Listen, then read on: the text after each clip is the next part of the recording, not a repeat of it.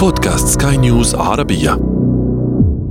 أهلا بكم إلى هذا أنا الذي يسلط الضوء على شخصيات تركت بصماتها عبر التاريخ. يأتيكم عبر منصة سكاي نيوز عربية على أبل، جوجل وسبوتيفاي معي أنا آمال شابة هذا أنا هذا أنا هذا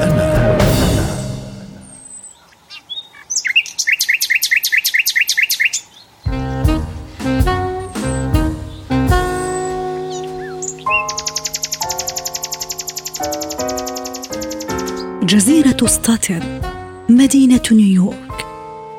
الشهر الأول من عام 1941 يدرك يومه التاسع.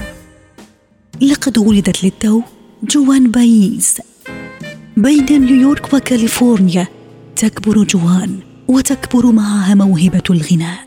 لم تمنع الدراسة الأكاديمية الشابة جوان من ممارسة هوايتها. إنها تغني في المقاهي والنوادي الصغيرة في بوسطن وكامبريدج. قبل أن يدعوها الموسيقي والمغني الأمريكي بوب جيبسون لحضور مهرجان نيوبورت الشعبي عام 1959 إننا في عام 1960 Would you sing We Shall Overcome with me, please? جوان بايز تصدر أول ألبوم لها. أعقبته بألبوم ثان فثالث. تمحورت كلها حول القصص الشعبية التقليدية. قبل أن يأتي الألبوم الرابع مختلفا. لقد أدرجت فيه أغنية تنادي بالحقوق المدنية. We shall overcome.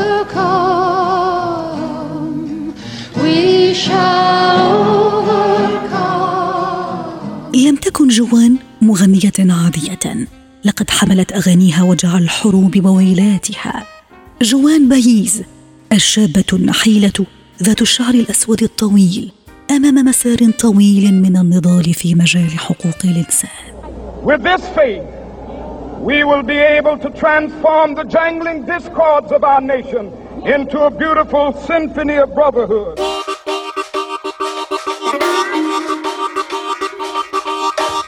جوان تستمع لأول مرة لمارتن لوثر كينج لقد تأثرت بخطابه عن الحقوق المدنية والتغيير الاجتماعي. إنها تشارك في العديد من تظاهرات حركة الحقوق المدنية التي ساهم في تنظيمها قبل أن تصبح مع مرور الوقت صديقة له.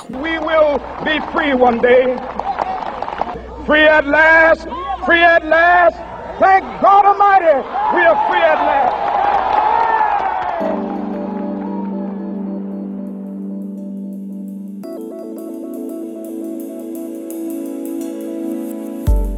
شهدت السنوات الأولى من مسيرة بايز تحول حركة الحقوق المدنية في الولايات المتحدة الأمريكية. تحول ارتأت أن تترجمه ألحانا وأغاني. إننا في عام 1963 إنها تنشد أغنية سوف ننتصر أثناء مشاركتها في مسيرة الحقوق المدنية بواشنطن وهي الأغنية التي مثلت نشيد الحقوق المدنية في البلاد. عام 1965 جوان بايز تفتتح مدرسة لتعليم اللاعنف وتلقين مبادئ التظاهرات السلمية قبل أن تشارك في العام ذاته في مسيرات سلمية في ولاية ألاباما من أجل حقوق التصويت. إننا في عام 1967 جوان بايز أمام مركز فحص مجندي القوات المسلحة الجدد بولاية كاليفورنيا. إنها تحاول سد مدخل المركز لمنع وصول هؤلاء جوان الداعية للسلم والرافضة للحرب. تجد نفسها خلف قضبان السجن لشهر ونصف. من جديد جوان بايز على نواصي الطرقات وفي قلب التظاهرات.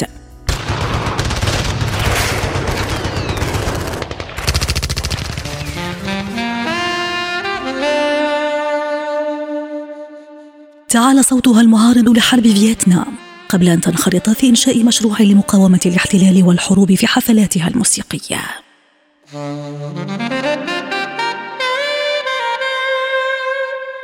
إنها ترفض دفع جزء من ضريبة دخلها التي تعتقد أنها ستدفع مقابل الإنفاق العسكري. جوان بايز تبدأ جولة لاتينية في كل من تشيلي والبرازيل والأرجنتين لكنها سرعان ما منعت من الغناء خوفا من وصول انتقادها لممارسات حقوق الإنسان في هذه الدول لجماهير غفيرة إذا ما اعتلت المسرح. عام 1989 جوان بايز تكتب أغنية الصين عقب مجزرة تيانان مان في بكين أدانت فيها الحكومة الصينية التي قمعت الآلاف من الطلاب المتظاهرين الذين نادوا بتأسيس جمهورية ديمقراطية. ثمانية عقود. منها نصف قرن قضتها جوان بايز في عالم الموسيقى ومسيرة حافلة في مجال حقوق الإنسان. هو عنوان قصة جوان بايز المغنية والموسيقية التي لم تثنها الموسيقى عن الدفاع عن حقوق الإنسان. هذا أنا هذا أنا. نهاية هذه الحلقة من هذا أنا. استمعتم إليها؟ عبر منصة سكاي نيوز عربية على أبل، جوجل وسبوتيفاي. ولنا لقاء. تقبلوا تحياتي.